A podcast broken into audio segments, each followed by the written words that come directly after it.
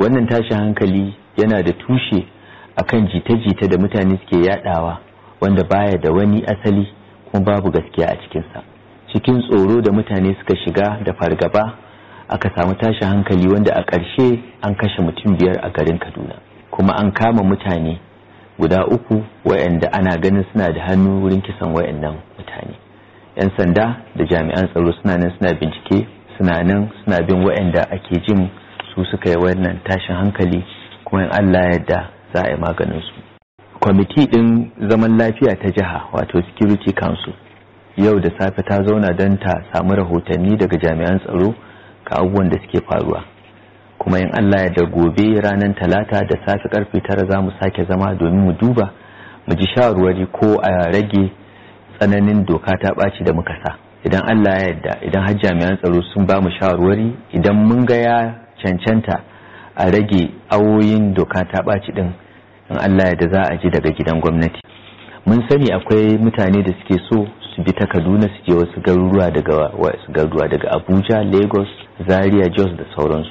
Mun ba jami'an tsaro umarni cewa duk wayannan a ba da daman motoci su wuce su bi ta garin Kaduna domin su wuce garuruwan da suke son su je ba tare da wannan doka ta ɓaci ya hana su tafiya ba. Muna kira ga al'umma a yi haƙuri da juna a bar kowa ya zauna ya rayuwan shi yadda yake so ba tare da damuwa ba kada wani ya kuntata ma wani kada kuma wani ya hana wani yin abin da yake so ya yi To kowane ƙoƙari rundunar 'yan sandan jihar Kaduna ke yi wajen farauto waɗanda ake zargi da hannu wajen tada rikicin da ya kawo guje-guje a garin Kaduna ranar Lahadi?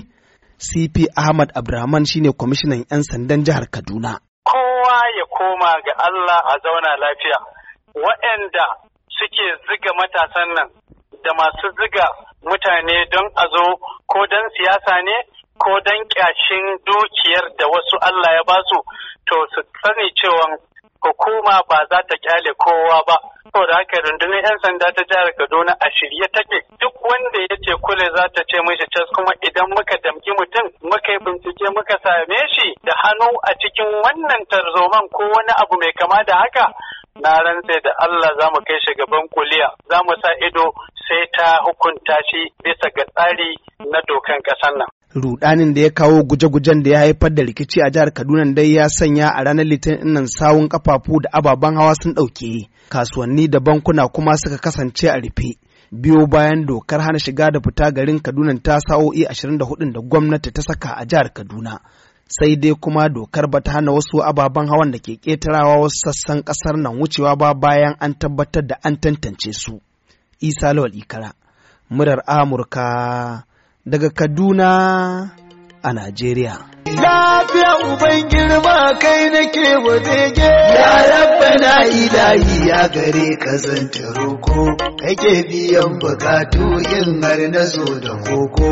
Ya rabbi kara kara man dan i'i da sako. Bibiya wa mai nisa har ta riski bako. Komai na so a waƙar nan ce wafa da